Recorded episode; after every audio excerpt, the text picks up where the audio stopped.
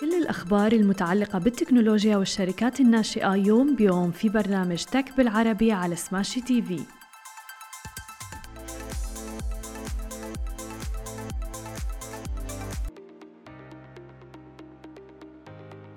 صباح الخير.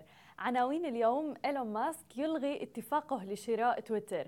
متى تطلق نظارات للواقع الافتراضي وساعة أبل تخبرك إن كنت مصاب بالحمى؟ يا أهلا وسهلا فيكم ببرنامجكم تك بالعربي. معكم أنا هالة بسام ومعنا بخلف الكواليس علي. وأكيد بدنا نبدأ أخبارنا اليوم ونحكي عن إيلون ماسك. يعني في كثير ناس على تويتر كانوا عم بيقولوا إنه راعي مشاكل صار إيلون ماسك بسبب الأخبار الأخيرة وعلاقته بتويتر. اعتبرت الآن شركة تويتر في كتاب أرسلته إلى إيلون ماسك تحديدا يوم أمس الاثنين إنه انسحابه وانسحاب الملياردير من صفقة بقيمة 44 مليار دولار لشراء منصة التواصل الاجتماعي تويتر هو قرار لاغ وغير مبرر. مؤكدة أيضا إنها التزمت من جانب جانبها بكل ما نص عليه الاتفاق المبرم بين الطرفين في أبريل الماضي. وفي حين عم بيتهم إيلون ماسك تويتر بعدم الالتزام ببنود الاتفاق ولا سيما بعدم تزويده بكل البيانات المتعلقة بالحسابات المزيفة على المنصة. قالت شركة تويتر في خطاب رسمي أرسلته إلى إيلون ماسك وممثليه ونشره الموقع الإلكتروني لسلطة أسواق المال الأمريكية أنها وبناء على ما تقدم تطالب مالك شركتي تسلا وسبيس إكس بالوفاء بالتزاماته المنصوص عليها في الاتفاق. والإثنين في أول جلسة تداولات في بورصة نيويورك بعد قرار إيلون ماسك من الانسحاب من الصفقة أغلق سهم تويتر على خسارة بنسبة 11.3 في المئة ليستقر عند 32.65 دولار للسهم الواحد. أي أقل من 40% من السعر الذي عرضه إيلون ماسك لشراء الشركة في منتصف أبريل. وفي معرض تبريره لقراره للانسحاب من الصفقة قال إيلون ماسك في كتاب رسمي وجهه إلى شركة تويتر أن شركة تويتر لم تفي بالتزاماتها المنصوص عليها في الاتفاق. وأوضح أيضا أن الشركة لم تزوده بكامل البيانات المتعلقة بالحسابات المزيفة أو ال bots وأيضا البريد العشوائي على المنصة. متهما إياها أيضا بالتقليل من حجم هذه الحسابات وأيضا الرسائل البريدية. كما اتهم إيلون ماسك شركة تويتر بخرق الاتفاق المبرم بينها وبينه بإصدارها أخيرا عدد من القرارات من بينها خصوصا تجميد التوظيف. وذلك خلافا لالتزامها بموجب الاتفاق بمواصلة العمل بشكل طبيعي. ولكن وكلاء الدفاع عن تويتر ردوا على كتاب ماسك بمثله مؤكدين أيضا في رسالتهم أنه كل الاتهامات اللي ساقها الملياردير ضد الشركة لا أساس لها من الصحة.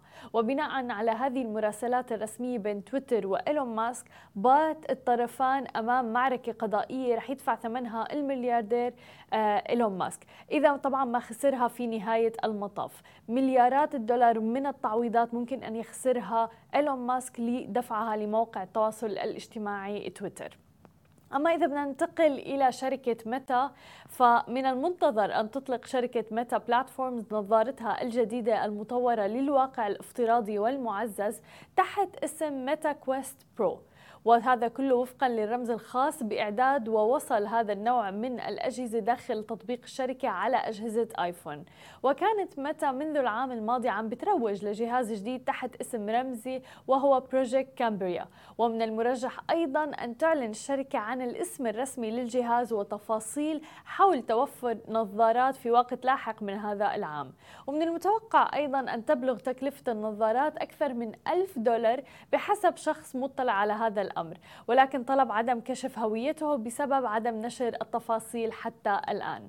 وبتعتبر نظارات الواقع المعزز أولوية بالنسبة لمتى اللي توقفت عن بعض مشاريعها الأخرى للأجهزة مثل مثلا الساعات الذكية مؤخرا ورح تكون نظارات الواقع المعزز منافسة رئيسية للنظارات المخطط لها من قبل شركة أبل والتي من المفترض أنه تبدأ ببيعها العام المقبل. رح تتمتع أجهزة ميتا الجديدة بمعالجة رسومات أفضل وقوة أيضا تفوق ميتا كويست العادية بالإضافة إلى كاميرات خارجية عالية الدقة لمحاكاة الواقع المعزز بالألوان وأيضا تتبع العين وقدرة على تخزين إضافية.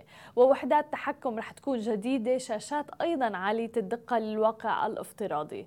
وأيضا لم يتم التعليق على هذا الأمر من شركة متى عادة ما تقوم الشركة بالإعلان عن نظارتها المتطورة الجديدة والمزايا المتصلة بها بشهر أكتوبر فمن المرتقب أنه يتم إعلان عنها في شهر أكتوبر. أما إذا بدنا ننتقل إلى خبرنا التالي ونحكي عن شركة أبل توقع خبير تقني شهير أن تزود ساعة أبل واتش الجديدة من الجيل الثامن بمستشعر لقياس درجة حرارة الجسم. يمكنه أن ينبه المستخدم في حال إصابته بالحمى. والمستشعر لن يوفر قراءة حرارة دقيقة ولكن الساعة قد ترسل إشعار يطالب بزيارة الطبيب أو مثلا استخدام ميزان حرارة مخصص. وأيضا توقع أنه بتقدم الشركة على هذه الخطوة تقدم عليها بعد اجتياز هذه الميزة لإرشادات الاختبار الداخلية على أن يتم استخدامها في النسخة القياسية من أبل واتش 8 ونسخة أخرى للرياضيين. ويقول الخبير أيضا أن التغييرات الأخرى في الجيل الجديد رح تكون طفيفة على الأرجح ولكن من المتوقع أنه تكون الشاشة أكبر وأيضا من أحد أهم الميزات موضوع أنها ممكن تستشعر إذا الشخص اللي مرتدي ساعة أبل عنده حمى أم لا؟ وتحديدا هذا الموضوع مع جائحة كورونا مفيد جدا. أما إذا بدنا ننتقل إلى آخر خبر معنا لليوم ونحكي عن عالم الشركات الناشئة في منطقتنا العربية. أغلقت منصة Paymee التونسية جولة استثمارية من ستة أرقام بقيادة صندوق P1 Ventures المتخصص في دعم الشركات التقنية المالية الناشئة في أفريقيا تحديداً. ومن المقرر أن تستثمر المنصة قيمة الجولة في تسريع عملية تطوير منتجاتها وعروضها أيضاً. وتأسست منصة التقنية المالية بايمي المتخصصة في حلول وبوابات الدفع الإلكتروني وبطاقات الدفع في تونس عام 2018 تحديدا عن طريق مروان أمامه وبتقدم المنصة خدمات وحلول الدفع الإلكتروني عن طريق دمج تقنياتها مع أي موقع وأي تطبيق أيضا. وكذلك تمكين الشركات من استقبال المدفوعات المالية الرقمية عن طريق رابط إلكتروني من دون أي حاجة لموقع ويب أو حتى المتاجر عن عن طريق بطاقات الدفع. أيضا عم نشوف كثافة كثيرة وكبيرة بالفترة الأخيرة لدعم والاستثمار وضخ الأموال في الشركات التقنية المالية والفنتك تحديدا في منطقتنا العربية. هذه كانت كل أخبارنا الصباحية لليوم. ما تنسوا تتابعونا على كل مواقع التواصل الاجتماعي الخاصة بسماشي تي في. تسمعوا البودكاست تبعنا وتنزلوا ال application. نهاركم سعيد جميعاً. مثل ما وعدناكم أخبار جديدة ومقابلات مع رواد أعمال يوميا في برنامج Tech بالعربي على Smashi TV. حملوا التطبيق الآن.